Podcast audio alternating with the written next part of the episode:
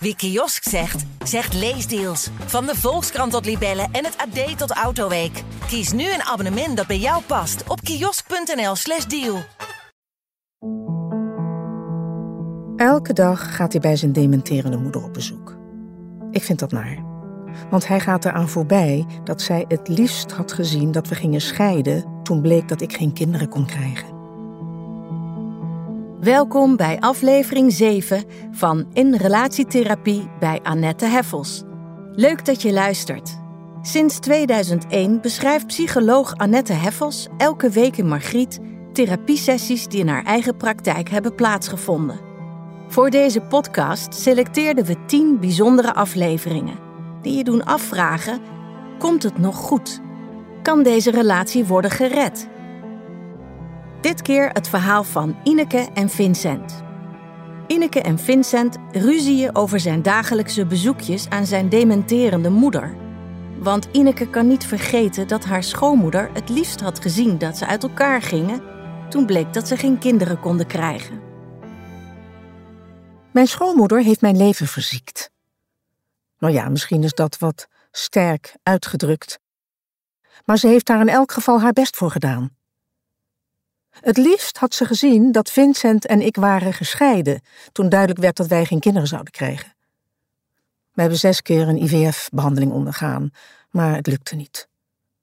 Ik had heel graag kinderen gewild. En Vincent ook.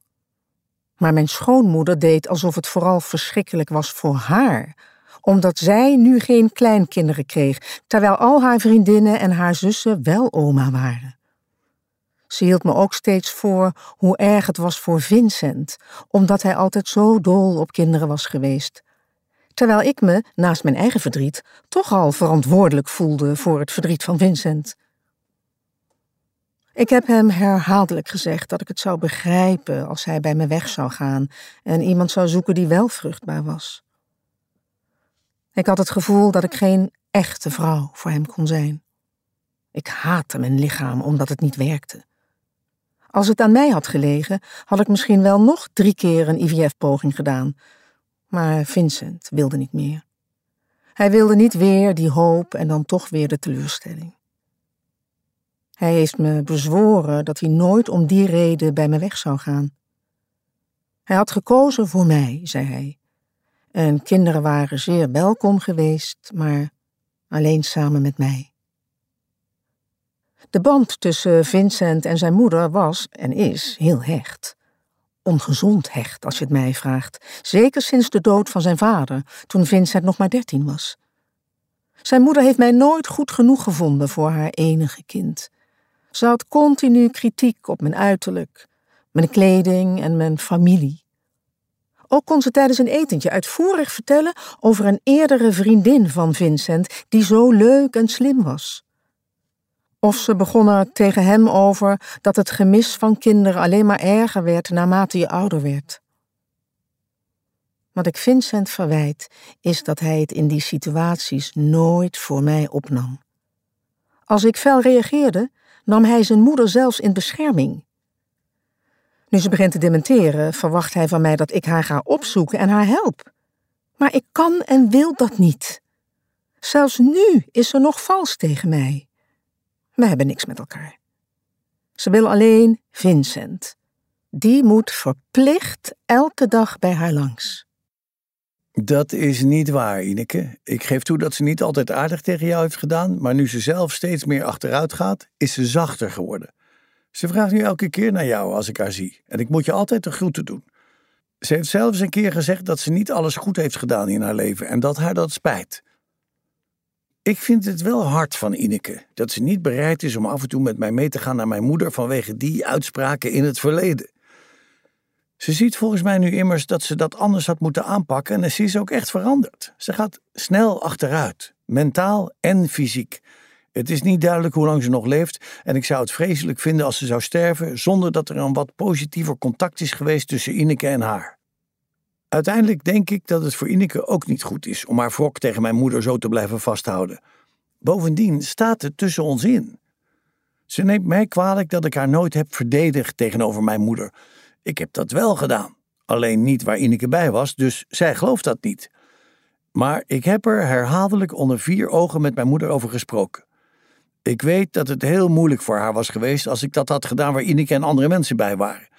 Mijn moeder is een trotse vrouw en dat zou ze als een teken van disrespect hebben gezien van mij. Als ik me in Inekes aanwezigheid had uitgesproken, was het alleen maar verder geëscaleerd. Ik sta al jaren tussen mijn vrouw en mijn moeder in en ik heb het daar moeilijk mee. Ik hou van Ineke, dus bij elke gelegenheid waarop mijn moeder en zij aanwezig waren, was ik bang dat er iets mis zou gaan. Ik hou ook van mijn moeder. Zij is er, zeker na de dood van mijn vader, altijd voor mij geweest. Ze heeft alles gedaan om mij de kans te geven te studeren en me te ontwikkelen. Ik vind het niet meer dan normaal dat ik er nu voor haar ben. Dat betekent dat ik elke dag even bij haar binnenloop om te kijken of ze iets nodig heeft. Ineke heeft al lang geleden besloten, na zo'n streek van mijn moeder, zoals zij dat noemt, om niet meer mee te gaan. Ik heb dat geaccepteerd, hoewel het me verdriet doet. Maar we krijgen nu zelfs ruzie als ik haar bezoek. Ineke vindt het overdreven dat ik elke dag ga. Volgens haar heeft dat te maken met de ziekelijke band tussen mij en mijn moeder. Ik vind echter dat ik dit aan haar verschuldigd ben. Soms, nou best vaak eigenlijk, vragen paren een soort Salomonsoordeel van mij. Moeten we uit elkaar gaan of niet? Moeten we kiezen voor een derde kind, ook al twijfelt een van beiden? Of in dit geval, moet ik mijn moeder dagelijks bezoeken of moet ik dat niet doen omdat mijn vrouw daar moeite mee heeft? Op dat soort vragen heb ik natuurlijk geen antwoord waar beide partners blij mee zijn. Ik kan alleen onderzoeken met hen waarom dit zo'n halszaak is. Waarom kunnen ze elkaar niet tegemoetkomen? Welke waarden hebben ze van thuis meegekregen? Welke gedachten over zichzelf en elkaar spelen een rol? Want je zou denken dat de oplossing van het meningsverschil tussen Ineke en Vincent voor de hand ligt. Ze kunnen toch allebei een stapje in elkaars richting doen. Hij kan minder vaak naar zijn moeder gaan of zij kan af en toe meegaan voor een beleefd kort bezoekje. Maar ik weet van tevoren dat onderhandelen hier niet veel zal opleveren. Er spelen te veel pijnlijke emoties. Ineke heeft veel verdriet van haar kinderloosheid.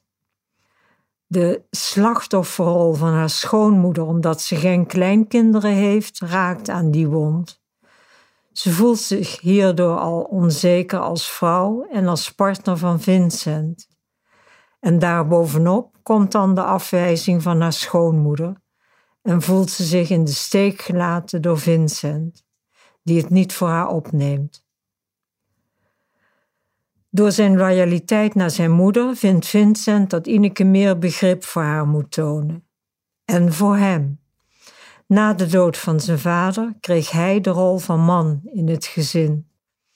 Hij voelt zich daarom verplicht om voor zijn moeder te zorgen en is eigenlijk ook bang voor haar reactie als hij dat niet zou doen. Hij heeft het nooit aangedurfd om tegen haar in te gaan. Hij zou zich dan een slechte zoon voelen. Ineke en Vincent spreken in de therapie hun pijn en machteloosheid uit. Dit zorgt voor meer, maar niet voor eindeloos begrip. Ineke concludeert: Ik vind nog steeds dat je te veel probeert om het je moeder naar de zin te maken, maar ik begrijp dat je je anders vreselijk schuldig voelt. Maar, zegt ze, bedenk wel, jouw moeder wordt honderd, dus je moet nog een tijd. Doordat Vincent de bezoekjes aan zijn moeder niet meer hoeft te verdedigen, merkt hij zelf meer dat hij hier soms tegenop ziet en gaat hij ook minder vaak. Het helpt Ineke dat Vincent echt begrijpt hoe eenzaam zij zich heeft gevoeld bij de opmerkingen van zijn moeder en hoezeer ze had gehoopt dat Vincent haar daartegen beschermde. Door zijn oprechte spijt hierover verzacht ze. Zo zelfs dat ze af en toe mee op bezoek gaat. Maar dan wel op voorwaarde dat ze samen vertrekken als haar schoonmoeder zich vervelend gedraagt. We hopen dat je met plezier hebt geluisterd.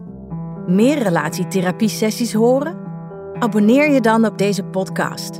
In de volgende aflevering hoor je hoe Hanna heeft er steeds meer moeite mee dat Aisha, met wie ze nu tien jaar samen is, soms ook verliefd wordt op andere vrouwen.